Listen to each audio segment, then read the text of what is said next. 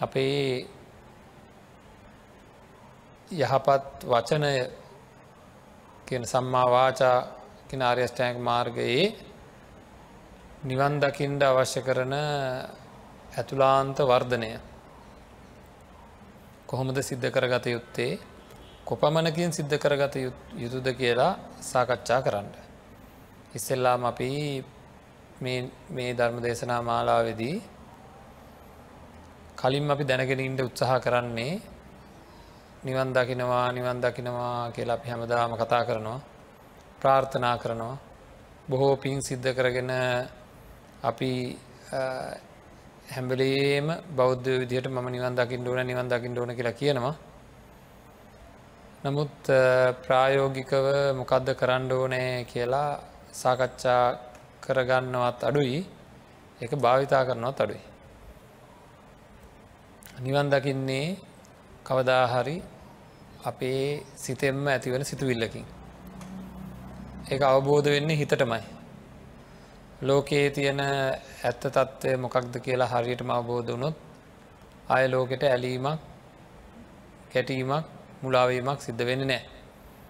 අන්නේ අවබෝධ කරගන්නට බැරි වෙලා තියෙන්නේ අපේ චිත්ත සන්තානවල මේ එක එක පුද්ගලයෝ කෙරෙහි එක එක දේවල් කෙරෙහි කැටියෙන් කියෙනවනම් රූප ශබ්ද ගන්ධ රස ස්පර්ශයන් කෙරෙහි තියෙන ඇලීමේ ගතිය.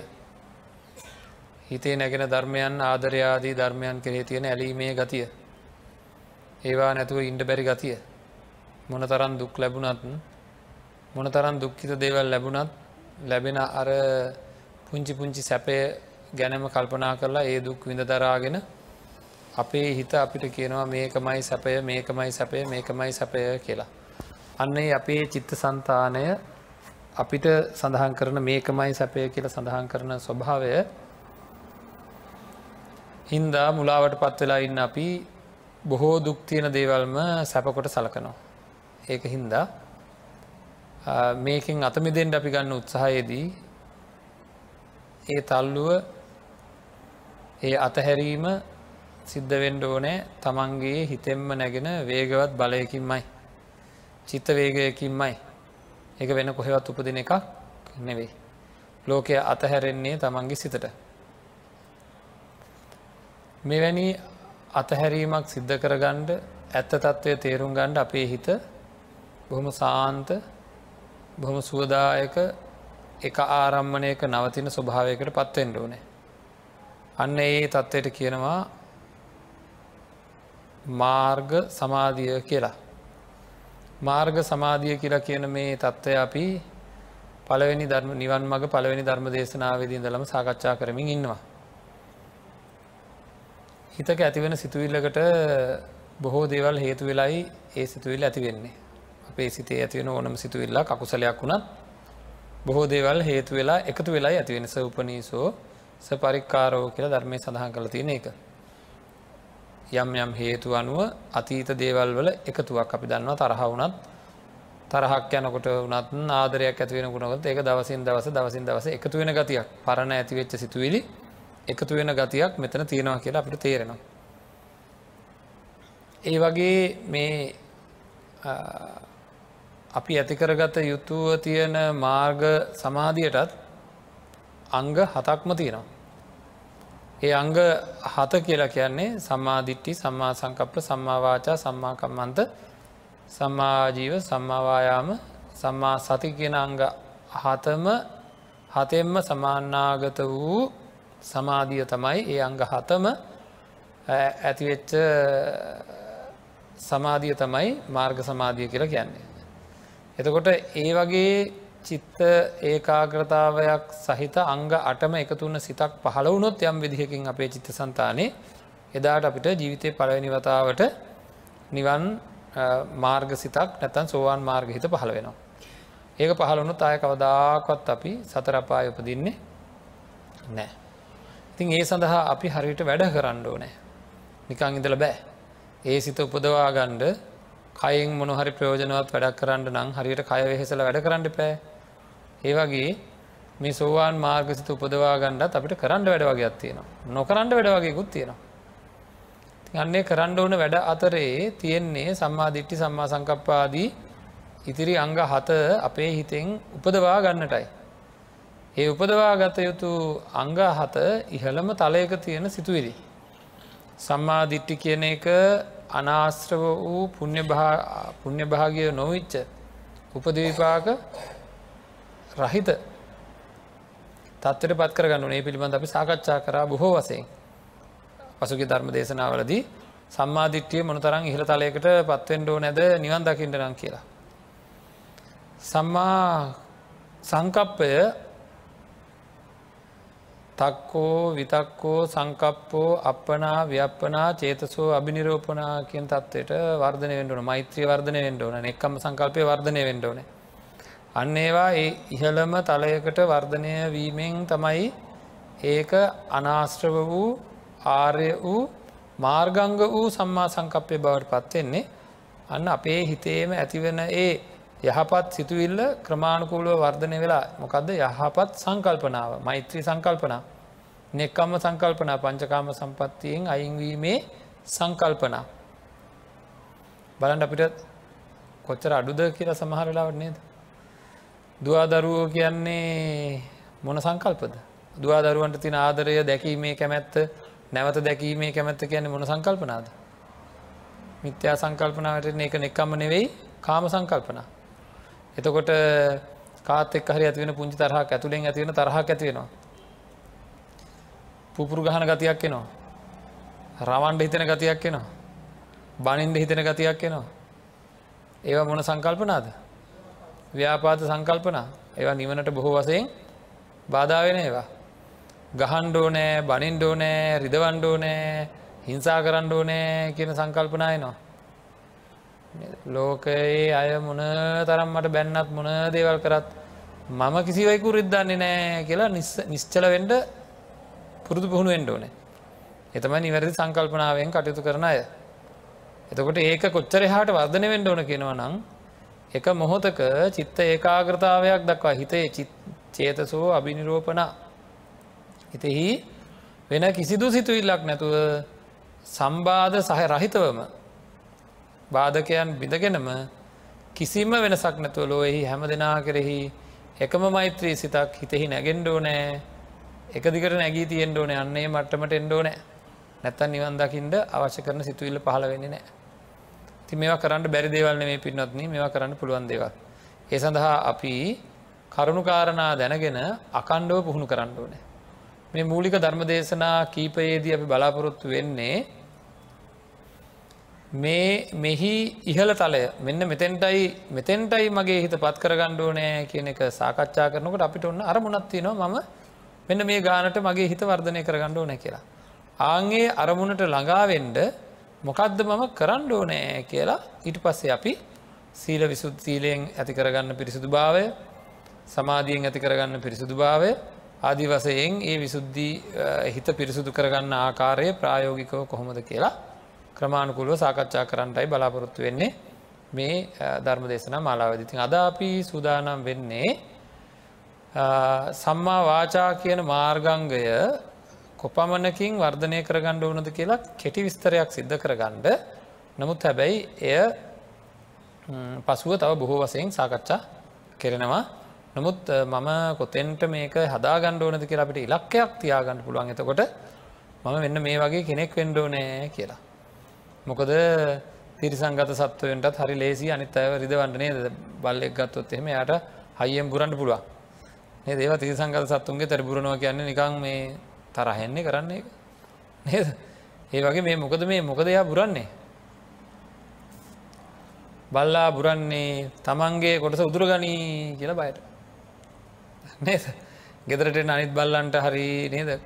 වෙන වෙන කෙනෙකුට හරි බුරන්නේ මගේ ස්වාමයාගේ කොටස හෝ මගේ කොටස මේ එන කට්ටිය උදුර ගනී එනම් පංචකාම සම්පත්තියේ තියෙන්න්න වූ අධික ලෝබය හින්දා තමයි මේ බුරන්ඩ වෙන්නේ. එතකොට තරහාවෙන්ට දෙයන්න ඇතින් අපි අපිනේ කවරුවත්ය නද අපිත් බුරණවන වෙලාවකට. අපිත් මොකද මේ අනිත් අයට බුරන්නේ ඒකත් ඉතින් ඒකම තමයි මගේ දේවල් නැතිවෙයි කියලා. ලෝකය අතහරින්ට බැරිහින්දා ලෝකය අතහැරෙන්නේ නැතිහින්දා බුරන්ඩ වෙලා තිනවද නැද්ද. ආ එනම් මිත්‍යාවාචා මේක පලවෙනිම දේ තමයි මේකටත් මූලික වෙන්නේ සම්මාධිට්ටියයි කියලා මහා චත්තාරිස සූත්‍රය දේශනා කළ තියෙනවා. ඉස්සෙල්ලාම කෙනෙක් දැනගණ්ඩෝ නෑ මේ සාන්ත ගතියයි මේ බිරිල්ලයි කියලා හොඳට දැනගණ්ඩෝ නෑ. ඒ ඇන මොකක්ද යම් කිසි කෙනෙක්ගේ සන්තානයේ අපේ අපේ මනසිකාරයේ අපිට හඳුන්නලා දෙනවනම් අපේ හිතට. මොකක්ද මේ මේක වැරදි වචනය මෙන්න මේක නිවැරදි වචනය කියලා අපේ හිතම අපිට පණිවිඩිය දෙන්නට ඕනෑ. හඳුනා ගණ්ඩ ඕනෑ. එක අපි දැන ගණ්ඩ ඕනෑ. අපේ හිත දැනගන්නවනම් අපේ හිත හඳුන ගන්නවන යම් කිසි වෙලාවක මේකයි මිත්‍යාවාචා මේකයි සම්මාවාචා කියලා අපේ හිතම හඳුනා ගන්නව නං අන්න එපමණකින් අපි සම්මා දිට්ටික වෙනවා කියල සඳහන් කලති. හරිද? එයා යහපත් දෘෂ්ටියත් තියෙන එක එයා දන්නවා. අපේ බොහෝ දෙනා දන්න නෑ පින්නත්න යහපත් වචන විදිහට කතා කරනවා නේද? දැඟර කියන්නේ ඔය එන්නේ පත්තිනි අම්මාවාගේ කියලා. අන්න බලන් ඔය එන්නේ පත්තිනි අම්ම ගැන නරක වචනයක්ද? නෑ. ඔය එන්නේ පත්තිනි අම්මාවාගේ කියලා හැන්ඩම කියන ඇති නරක වචනයක්ද? වාචනය නන්න අරක නෑ. හැබැයි එක අනුන්ගේ හිත රිදුවන වචනයක්ද නැද්ද? නේද? අන්න කාට හරි වැරදිච්ච කෙනෙගේ හිත රිදුවන වචනයක්. එක චේතනාවත්තින රිදවීමේ චේතනාව අන්නේ චේතනාව ඇතුළෙන්ගෙන චේතනාවක් මෙයාට මං රිද්දන්ඩෝ නෑ කියලා. ඒක ඇතුළෙන්ගෙන බලයක් අපේ හිතේ. ඒක වැටෙන් එතකොට මොන වචනවලට කෙනෙක් කියයි මන් අරක වචන කිවෙන හරි නමුත් ඒක වැටෙන්නේ මොන වචන කොටටද? පරුස වචන කොටටයි. කෙනෙක් අසභ්‍ය වචනයකින් කෙනෙකුට ආදරයෙන් කතා කරන්න ඕන්නම් බැයිද? නද? සමහල්ලට අපේ ගමේ අපි දැන් කියන වෙලාකට තමුසේ කියන වචනය නේද? හිත පරුස විදිහටත් පාවිච්චි කරනවා. තමුස කියන වචනය ආදරයටත් පාවිච්චි කරනවා. කෙනෙකගේ හිත දිනාගණ්ඩත් නේද යහපත් දිරක් පාවිච්චි කරන්න පුළුවන්. ඇත්තටම තියෙන්ඩ ඕන මොකක්ද ඇතුළෙන් නැගෙන චේතනාවයි. ලෝකේ දිහාන අපුරු බැලුම් දාගෙන හැම වෙලේම ලෝක ඉන්න මිනිස්සුන් පුපුරු ගස්සනවාගේ නේද එහෙම නැතුව කවදාහරි දවසක මගේ මේ කටෙන් පිට වෙන වචනය තවත් කෙනෙකුට සහනයක් වෙන්ටම හැම වෙලේම පිට කරගන්නඩ පුළුවන්කමත් තියෙන නම් මොන තරම් මොන තරම් වටිනවද. ඒක ලෝකයේ ඇතිකර ගතයුතු මහා දක්ෂකමක්. මං එකයි කිව්වේ බුරාපාන්ඩ බල්ලන්ටත් පුළුවන් නේද. නමුත් සාන්තවින්ඩ හැමෝටම් බෑ. ලෝකය කැළඹෙනකොට තමන් සාන්තව ඉන්නවා කියන එක හරියට යුද්ධයකින් ජයගන්නවා වගේ වැඩ. ඒ එතෙන්ට පත් නොවී අපි නිවන්දකින්නේ නිවන්දකින්නේ නැහැ. එන ඉස්සෙල්ලාම අපි දැනගණ්ඩෝ නෑ මොනවාද මිත්‍යාවාචා මොනවාද සම්මාවාචා කියලා. මොනවද මිත්‍යාවාචා කියලා කියන්නේ මුසාවාද කියන්නේ වැරදි වචන. පරුසාවාචා කියන්නේ වැරදි වචන. පිසුනාවාචා කියන මෙතනින් අහලා අතෙන්ට කියන කේලම වැරදි වචන. එතකොට සම්ප්‍රප්පලාපා කියන්නේ හිස් වචන කියනවා වැරදි වචන. මුසාවාදා කියලා කියන්න මොනවද අනිත්තායව රැවටීමේ අදහසින් කියන්න වූ අපි ගැන බොරු බේගල් අද බානවා කියලා. නේද? ඉතිං කාගර යහපත සඳහා මම්බොරු කිව්වාය කියලා ගැන බැඳීමත් තිබ හිද කියලා තියෙන එ හොරාගේ අම්මගෙන් පේන හන්ඩිපා කියන්න මොකද? හොරාගේ අම්ම පුළුවන් වුණොත් හොරාව නිදහස් කල හාගෙතර ළම අල්ලදෙන්ටයි බලන්න. අම්මනන් කියයි නෑනෑම පුතාගේ හොඳට කිව නැත්ති කිය නමුත් වෙන කෙනෙ කහුවෙන ඇතකොට එ සත්‍යවාදීව කටයුතු කරන්න අපිට පුළුවන්කම තියෙන්ට ඕනෑ. දැන් බලන් පින්නත්න අපේ හිත හැම වෙලේම අපිට පණිවිඩයක් දෙන්න ඕන. නිවන් දකිට බලාපොරොත්තු වෙන කෙනෙක් නම් ඇත්තටම නිවන් දකිින්ට ඕන්න දුක්විදිනවා කියලා දැනෙනවන දුකෙන් නිදහස්සෙන්ට ඕනෑ කියලා තේරෙනවන පැහැදිලිවම නිවන් දකිින් ඕන්නම් තමන්ගේ ඇතුලාන්ත හැඟීමක් එන විදිට හිත හදාගණ්ඩ ඕන මෙනෙහි කරලා බොරු කීමේ ආදීනව බොරු නොකීමේ ආනිසංස මෙනෙහි කරන්න ඕන හොඳට. තමන්ගේ හිතෙන්ම පණවිඩයක් එන්ඩෝ නෑ මම සත්‍යවාදීව ජීවත් වෙනවා. සත්‍යවාද සත්‍යවාදී බව මගේ ජීවිත කාරණාවක් මොනම තත්ත්වයක් යටතේවක්වත් මං තවත් කෙනෙක් මුලා කරවන්නට බොරුවක් කියන්නේ නෑ කියලා තමන්ගේ පැත්තෙන් සංවර වෙන්ඩෝ නෑ. ඊනකට සත්‍යයෙන් සත්‍යය ගලපා කියන කෙනෙක් බාට එන්න සත්‍යවාදී භවතරණය සත්‍ය සන්දී තේතෝ පච්චයිකෝ හරි පිහිටි වචන ඇති කෙනෙක් බවට පත්තෙන්ට ඕනෑ හරි මුසාවාදාවෙන් බේරෙන්ඩෝ නෑ විතරන්න නෙවෙයි පිහිටි වචන කෙනෙක් එයා කිව්වොත් කිව්වමයි කියලා කවුරුත් දන්නවා. සත්‍යයෙන් සත්‍යය ගලපා කියන කෙනෙක් බවට පත්තෙන්ඩෝ නෑ. ඕනෑ දෙයක් වුණදේ. මං මගේ මේ ජීවිතය කවදාක්වත් බොරුවකින් තවත් කෙනෙකුට රවට්ටන්ට කටයුතු කරන්න ඕන දෙයක් වුණදේ. මගේ අත පය ගැලවිලා කියදේ. මගේ බෙල්ල ගැලවිලා කියදේ. මට ඕනෑ දෙයක් නැතිවුණදේ. මන් සම්මා සම්බුදුරජාණන් වහන්සේ දේශනා කරපු ධර්මයට පටහැනිව ජීවත්වෙන නෑ කියර තමන්ට අධික වීරයක් අධික ශක්තියක් ඇතුව බොරුවෙන් සම්පූර්ණයෙන් අයිවට පුළුවන්කම තියෙන එක විශාල අතහැරීමක්. අන්න බොරුවෙන් බොරුව ගලපා කියන්න වෙන එක බොරුව කිවත් මොකද වෙන්නේ? නැද? ඔවා ගලපන්ඩ හොඳට දන්න බොරුවෙන් බොරුව ගලපනවා එතෙන්ට ගලපනවා මෙතෙන්ට ගලපනවා රත්වෙනවා දැවෙනවා පිච්චෙනවා හරී අමාරු එතකොට නමුත් සත්‍යයෙන් සත්‍යය ගලපා ජීවත් වෙන කෙනා උතුම් කෙනෙක් බවට පත්වෙන දෙවියන්ගේ පවා ඇල්ම බැල්ම වැටෙන. ලෝකයේ ඉන්න තැනක ඒ ඉන්න කෙනාට මහා ඒ ආවට පරිසරයට පවා සාන්තියක් උදා වෙන කෙනෙක් බවට පත්වෙනවා දුර්ලු දුර්ලභ කෙනෙක් වෙනවා. අපිට ලැබිච්ච මනුස්ස ජීවිතය දුර්ලභ ජීවිතයක් කරගත්තොත් හොඳ නැද. සමහරම ගණන් ගන්න පින්නන්නේ සමහර අයතන අයෝ ඕක පොඩි වැරද්දන්නේ කියලා. පොඩි වැරද්දන්නේ එකගේ ජීවත් වෙලා හාව වෙලා මිය වෙලා ඉබ්බ වෙලා කුකුල වෙලා නරි වෙලා ආං උපදිනවා. නේද. මේවාට ලොකු ගෞරවයක් දෙන්න ඕනේ අපි. බොරුව කියන එකෙන් අයින්වෙන්ට ගෞරවයක් දෙන්න ඇයිට ඇයි අපිට කතා කරන්න බැරි. ඇයි අපිට පුංචි තැන පවා ඇත්ත කියන්න බැරි. නේද. බොරුවක් කියන්නෙම අනුන්ගේ තියෙන හිතවත්කන්න නැතිවේ කියල බයටත් බොරු කියනවා. තමන්ට තියෙන තත්ත්වය නැතිවේ කියලා බයටත් බොරු කියනවා. මොකද තත්ත්වය කියන්නේ. ආන් සක්කාය දිට්ටි ගුලියක්ේ සක්කාය දිට්ටිය රැකගන්න හදන්න. මගේ මගේ මගේ තත්ත්වය නැතිවෙයි කියලා බොරු කිය කිය බොරු කිය කිය තත්ත්වය ආරක්ෂා කරන්න හදන කෙනා නිවන් දකින්නෙම නෑ. හරි ලෝකයට විවෘත වෙමු. මගේ මේ ජීවිතය එහා පැත්ති ජීවිතත් එක්ක වෙන් කරලා හංගල තියාගණ්ඩෝනෙ නැහැ. එහා පැත්තේ මෙහා පැත්ත අතර ලොකු පරතරයක් තියාගණ්ඩෝනෙ නැහැ. මේ හිරකරං ඉන්න තද කරගෙන ඉන්න අන්න ඒ මමත්වය අයින් කරන්න ලොකූ හේතුවක් වෙන අපේ පින්නත්න අපි සත්‍යවාදීව ජීවත්තෙන් පටන් ගත්තු මොකද මත්වය හිද බොරු කියන හරියට නද මගේ තත්ත්වය මගේ ආත්ම ගෞරවය ආත්ම ගෞරවය ආත්මීය හැඟීම හිද ආත්ම ගෞරවය නද මගේ ආත්ම ගෞරවය අපේ දරුවන්ගේ ආත්ම ගෞරවය අපේ පරම්පරාව කියලා ඔක්කොම අල්ලං ඉන්න.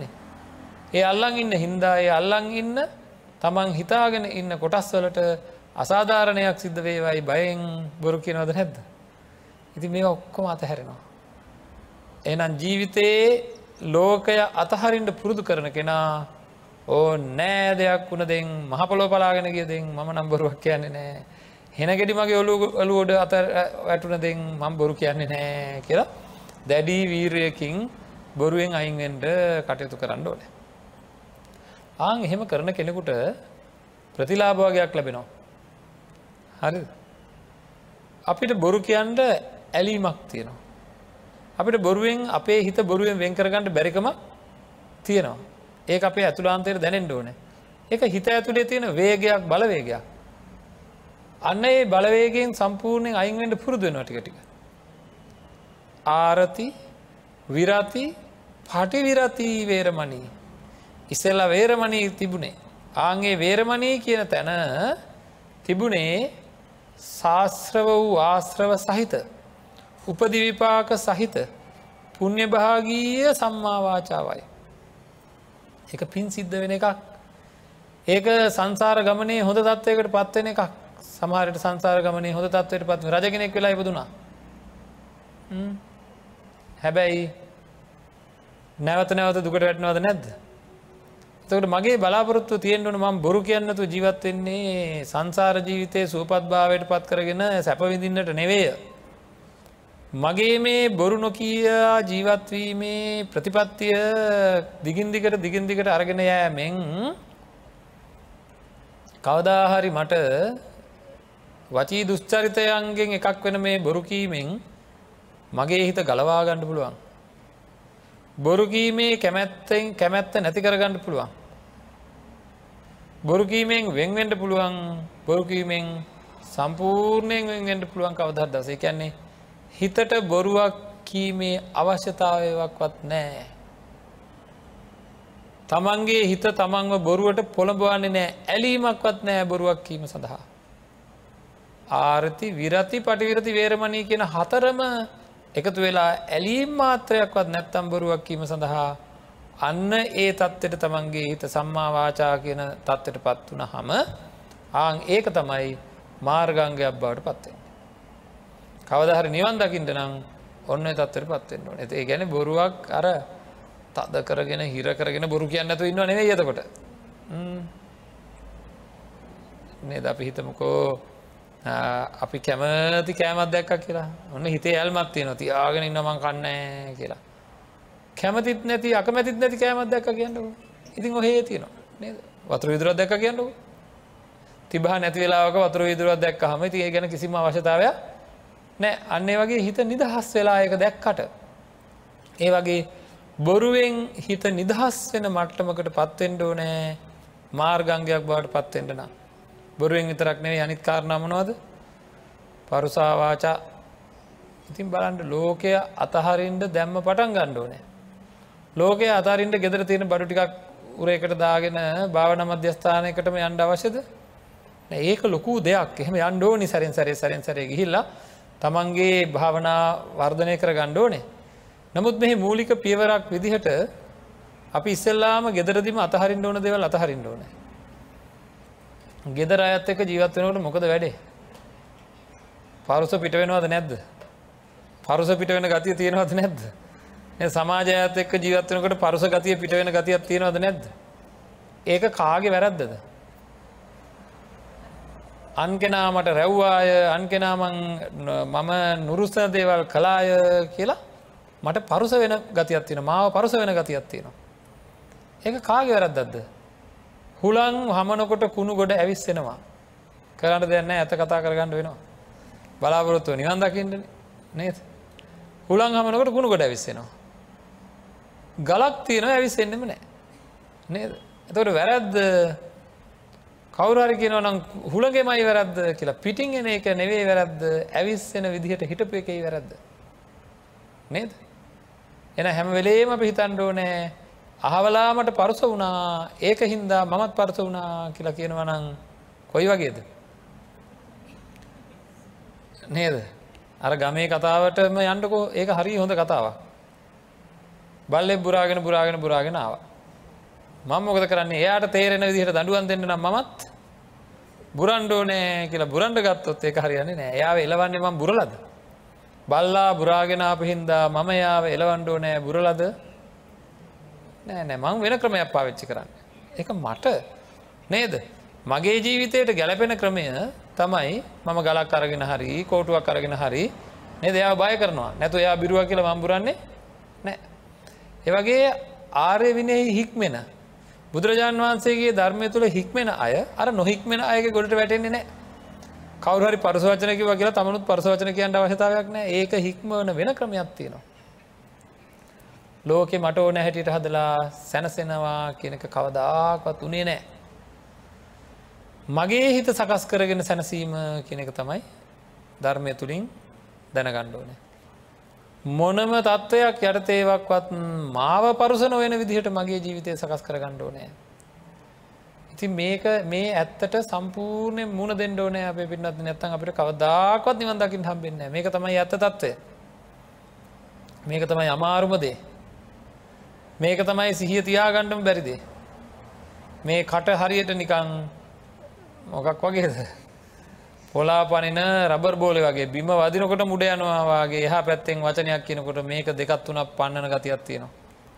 දෙහ පැත්තෙන් එක වචනයක් කියනකොට මේකෙන් දෙකත් වුණක් පන්න පන්න කියන ගතියක් තියෙනවා. අන්න එහෙම නැතුව අපේ බලාපොරොත්තුව මොකක්ද? යතින්ද කීලෝ පටවින් සිතෝසියා චතුබ්භිවාතයේ බිය සම්පකම්පියෝ ඉන්ද්‍රකීලයක් වගේ වෙන්ඩෝ නෑ මොනාද බාහිරෙන් හමන හුළඟට හෙල්ලෙන්නේ නැති නේද ඉන්ද්‍රකීලයක් වගේ ගම්මෝදරකට තිබුණ ලොකු කනුවක් ඉන්ද්‍රකීලයක් කියන්නේ හතර පැත්තෙන්ගෙන හුළඟට හෙල්ලෙන්නේ ඒවගේ ලෝකෙ කිසිම තැනකින් පරස වචනයක් කිවට මගේ හිත හෙල්ලෙන්නේ මම සාන්තවම ඉන්නවා.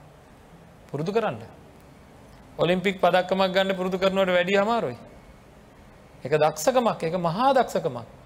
ඒ මේක පුරුදු කළ යුතුමයි. ඇයි කියන්න. පරුස වචන කියවෙන්නේ ලොකු දේශයකින්. මගේ මරණාසන් අවස්ථාව වෙනකොට ඔය කියපු පරුසවචනයක් යන්තම්මට මතක් වුණු.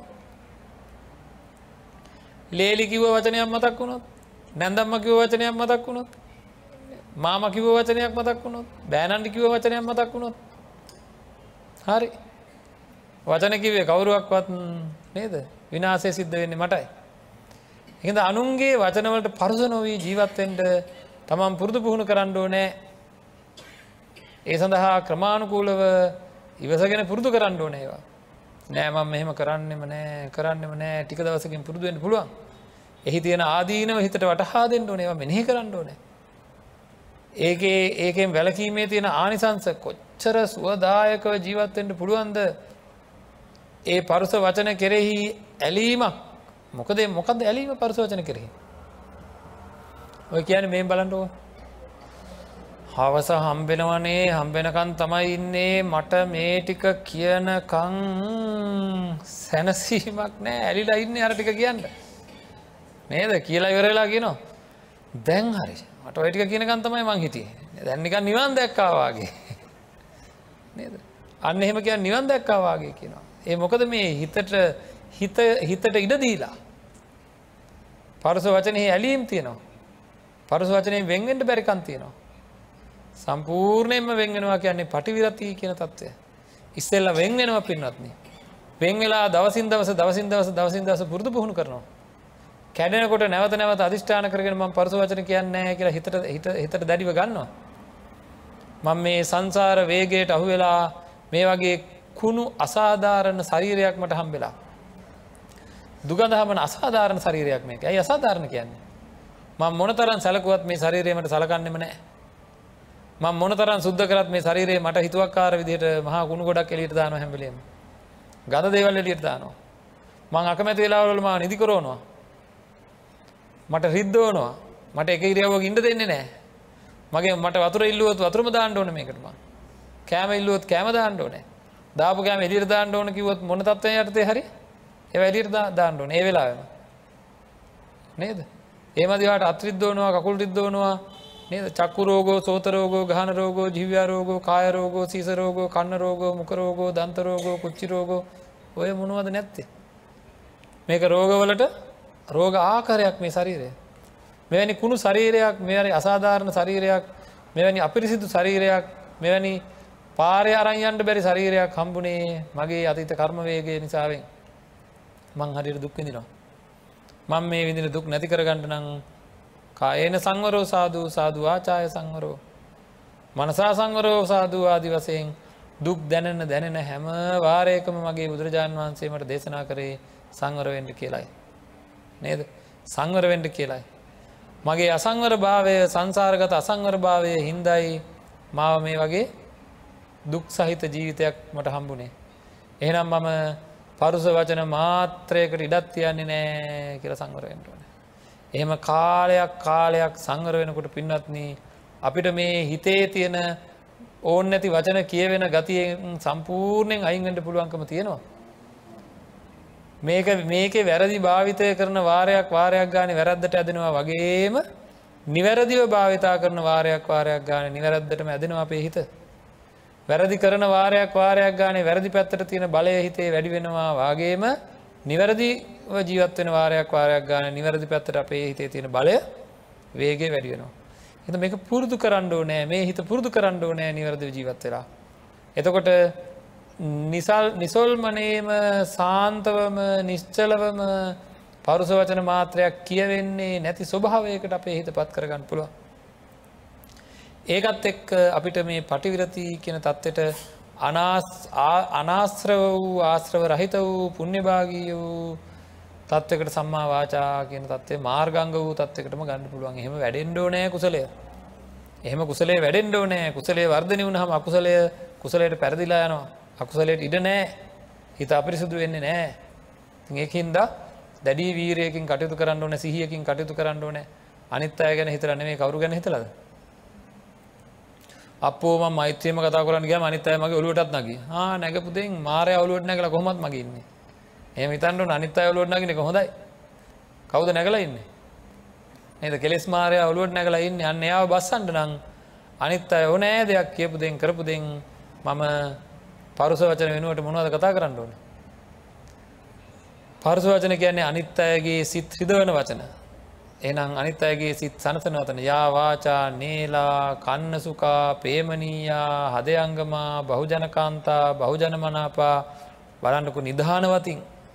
ඒ සම්ප්‍රප්පලාපා නැතු අනි පැත්තර බහුජන කාන්තා බහුජන මනාපා හැමිලෙන් ප්‍රේමණීය වූ හර්දයංගම වූ කෙනෙකුට කතා කරන අපි කියන්නේ. අහලතින නේද? අපේ හවලත්තේ කතා කරන්නක බලන්ඩ බඩ පිරුණාවාගේ කතා කරපහන් කතාකරොත් ඇති කියලා කියන්නේ.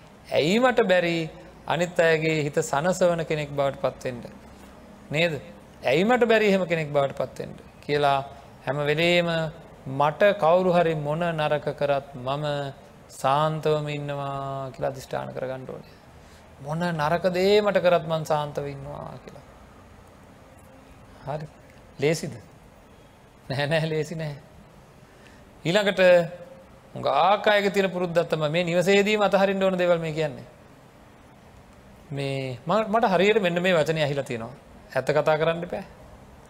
මේ මං මේ කේලමක් කියනව නෙවෙයි. මං මේ කේලමක් කියනව නෙවෙයි. කේලමක් කියනවා නෙවෙයි කිය කිය නෙවෙයි කිය කිය මොකක්ද කියන්නේ. කේලමම කියනවා පුරුවට.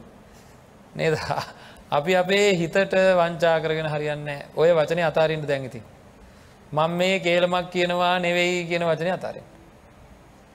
හරි තවත් කෙනෙක් තවත් කෙනෙක්ගේ මාත්‍රීය බිඳීමක් ඇති නොවෙන විදිහට අපි අපේ ජීවිතය ගෙවන්ට ලෑස්ති කර ගණ්ඩෝන ඒක හරි අමාරුයි. ඒක ගොඩා කමාරුයි ඇතුළෙන් ඇතුළෙෙම්ම හැඟිමත් එෙන්ඩෝ නෑ දෙන්නෙක් දෙන්නෙක් අතර විඳීමක් ඇති නොඒවා ඇතුළෙෙම්ම අදහසත් තියෙන්ට ඕනෑ. අනේ හැම කෙනෙක්ම සමගියෙන් ඉන්ඩෝන පොඩ්ඩම් මොහොතක් හිතන් මං ගොඩාක් විශ්වාස කරන්න ඉන්න කෙනෙක් ගැන කවුරහරි මට නරකේවතිකක් කිව කියන්නක. කියලා ගියා. ගිය එක්කෙනා ගියා. මගේ පැත්ත කොහොමද? මම රත්වෙනවා මාව දැවෙනවා මාව පිච්චෙනවා නේද? ඊට පස ඇනුම් පද කියවනවා. ලොකූ කාලයක් යනකං ප්‍රශ්නයනවා එනම් මම කැමතිද මගේ හිතවත් අය මගින් විදෙනවට. ඒ වගේ අපේ ළඟ ලොකූ ප්‍රාර්ථනාවත් තියෙන්ට නෑ දෙන්නෙත් දෙන්නෙක් අතර බිඳීමක් ඇති නොඒවා. හැම් වෙලේම ප්‍රාර්ථනාවත් තියෙන්ට ඕනෑ බිඳිලා ඉන්න අය සමගි වෙන්ඩ කටයුතු කරන්න ඕනෑ කියලා. සමගි වෙච්චායගේ සමගිය තහවුරු වෙනවා දැකලා අපේ හිත සතුටෙන් උද්දාමයට ලබත්වෙන්ඩ ඕනෑ සතුටු වෙන්ඩ ඕනෑ එකේ අන්නේ වගේ මහා ගුණවන්ත කෙනෙක් බවට පත්තෙන්ට ඕනෑ යහපත් වචනය භාවිතා කරන එහෙමයි. අනිත් අය සමගි වෙන වචනම අනිත් අය අනිත් අයගේ සමාධිය පිළිබඳ තමන්ට කැමැත්තත් තියෙන්ට ඕනෑ. අනිත් අයගේ සමගිය පිළිබඳ තමන්ට තමන්ගේ හිතේ ලොකු තල්ලුවක් තියෙන්ට ඕනේ අනිත් අය සමගි අනිත් අයගේ සමගි ඇති කරවන්න ඕනෑ කියලා. සමග රාමෝ සමග රතෝ කියල බුදුරජාණන් වන්සේ දේශනා කර ඒකයි සමගිය පිළි අනිත්තයගේ සමගේට වැඩ කරන කෙනෙක් වෙන්ඩෝන කතා කරන හැම වචනයක් මනිත්තයක සමගේට හේතු වෙන්ඩෝන ඒ කට්ටිය මගේ නරකාය අපේ ලේදි හොඳ නෑ. අපේ නැන්ද හොඳ නෑ. ඉන්නවකෝ. මම කියන්නම් හිමින් සැරේ කියලා යටින්ම. නේද? අර සමගේ නැතිවෙන විදිට අම්මගේ පුතාගේ සමග නැතිවෙන විදිට හෝ ස්වාමයාගේ භාරයාවගේ සමගේ නැතිවෙන විදිහට යටින් යන වැඩ පිළිවෙලක් තමන් අතින් සිද්ධ වෙනවා නං නිවන් දකින්න නෑ. නිවන් දකින නෑ කියෙන නීතියක් නෙවෙයි. නේද? නිවනට අවශ්‍ය කරන සිතුවිලි තමන්ගේ පැත්තෙන් පහල වෙන්න නෑ. හැම දේම අතහැරෙන්ඩ ඕනෑ. අන්න අයගේ යහපත දැකලා සතුට වෙන හිතක් හැදෙන්ඩ ඕනෑ. ආං එතකොට තමයි කවදා හරි දවසක මේ එක එක්කෙනා බිදෝලා ලබන සතුට වගේ නෙවෙයි පින්නත්න එක එක්කෙනා බිදෝලා ඇතිව කරගන්න සතුට වගේ නෙවෙයි. ලෝකය අතහැරෙනකොට තමන්ගේ සන්තානයෙන් දෝරෙ ගලායන උල්පතකින් ගලන වතුර වගේ මහා සන්තෝසයක් ඇති වෙනවා. අන්නේ වැනි උතුම් සන්තෝසයක් ඇතිකර ගැනීමට තිරිසංගත ආදී තැන්වලට පත්වෙන් නැතුව මං සතරපාය මිදුනා කියලා දැවුණුත් මොන තරන්නම් සතුරක්ද බුද්ධ ශාසනයෙන් තමන් උරුම කරගත්ත උරුම කරගත හැකි තත්වයකට පත්වෙන්ට පුළුවන්කම තියෙනවා කියලා දැනගෙන ආනිසංස මෙනෙහි කරමින් තමන්ගේ හිත හැම වෙලේම කේලංවලින් සම්පූර්ණයෙන් මුදවාගණ්ඩ කටයුතු කරන්න ඕන මේ හිත හරියට අකුසලයට බරයි. ඊළඟට මිත්‍යා වාචාවල ඊළං කාරණාව අපි මේ පසුවත් නැවත සාකච්ඡා කරනවා අවශ්‍ය තැන්වලදී. නමුත් දැනට අපි දැනගෙන තියාගණ්ඩ ඕන ඊළං කාරණාව තමයි අමාරුමදේ සම්ප්‍රප්පලාපා. සම්ප්‍රප්පලාපාවෙන් වැලකෙන්ඩ අඩුම ධර්මයෙන්. සම්ප්‍රප්පලාවට පුදුම ඇලීමක් තියෙනවා කවදාහරි දවසගේකෙන් සම්පූර්ණයෙන් අයින් වෙන්න ඕනේ. එකතු වුණහම තුන් දෙනා හතර දෙනා පස් දෙනා හය දෙනා මොකදෑ වැඩේ. කොහේ ඉන්නවාද? මොනවා කරනවාද? දන්න නෑ එක්කෙනෙක් එකක් කියනකට අනිත කෙන කට උල් කරගෙන හදාගෙන ඉන්නේ. ඉවර වෙන්නත් ඉස්සල ඊළඟ එක පටන් ගන්න. නේද? වටේට ඉඳගන්නවා ඉතිං කතාව අහවලා මෙහෙමයි දන්නවාද? හැඩ දාලා තව තේටිකුත් ළඟින් තියාගෙන. නේද? මේ හැම වෙලාවකම මොනවද සම්ප්‍රප්පලාපාවෙන් වෙන්න අපි මේ ලෝකෙට? ඇලීමයි. ඒක තේරුම කතා කරන්න එපා කියන එකද. හැම නිමේෂයකම සිහිය වර්ධනය කරන්න බලාපොරොත්තු වෙලා ඉන්න අපි. ඉදිරියේද අප මේ සාකච්ඡා කරනවා මං කියලා කිව්ව ඇයි මේවා එහෙම කරන්න ඕනය කියලා. දැනට මේ මාර්ගන්ගේ සකස් කර ගැනීම සඳහා කෙටි විස්තරයක් විතරයි. හරිද? පින්නත්නී සිහිය නුවන වීරිය ඉවසීම අධිෂ්ඨානය වැනි ගුණාංග වර්ධනය කරගන්න බලාපොරොත්තුව ඉන්න අපිට හැම නිමේෂයක මේ සම්ප්‍රප්පලාපාව අතහරින්ට සිහියෙන් ඉන්ඩෝනෑ. හරිද. මේක හැම වෙලේම කෙලෙස් වැඩෙන දෙයක්. හැම නිමේෂයකම හිස් වචන වලින් කෙලෙස් වැඩෙනවා. ලැබිච්ච ජීවිතයේ වටින ජීවිතයක් කියලා අපි දැනගණ්ඩ ඕනේ. මේ වටින ජීවිතය ජීවිතයේ එක විනාඩියක්වත් අහක යන්නේ නැති එකක් වෙන්ඩ ඕනෑ. කතා කරන්න ඕන අපි මොනවද කාලවාදී ඒ වෙලාවේ කතා කරන්න සුදුසුදේ. භූතවාදී සත්‍යයක්ම කතා කරන්න ඕනෑ. කාලවාදී භූතවාදී අත්තවාදී ධම්මවාදී විනයවාදී මෙවිදිර කතා කරන්න ඕන දේවල් තියෙනවා. අපි කියනවා එයත් එක කතා කරපු දේ මගේ හිත ඇතුළටම දැනුණා. නිධානවතින් වෙනත් කෙනෙකුට වෙනත් වෙනත් කෙනෙකුගේ හිතේ නිධානයක් තැන්පත් කරගන්නවා වගේ වචන අපේ කටෙන් පිටවෙන්ඩෝ නෑ හරි වටින දෙයක් කිව්වේ අපේ මගේ ජීවිතයටම වටනවාය වචනය කියල අනිත් අය කියන්නඩෝ නෑ එහෙමනතු එහා පැත්තේ කෙන අන්න විවාහ වුණා දන්නවදේ කෙනගේ ඒ මහත්තයාගේ තොරතුරු දන්නවාද? එයා මෙහෙම කෙනෙක් මෙයා මෙහෙම කෙනෙක් අරහෙම් පැන් වූ මෙහෙම් පැන්නෝ බලන්ඩ පෑ නේද? සිල් දවසේ බණමඩුවත් මොකදෑ නිකන් සමහරලාවට අපේ සිල් දවසේ බණමඩුවත් වෙලාවකට ඕපදූප ගුහාවක් වාගේ.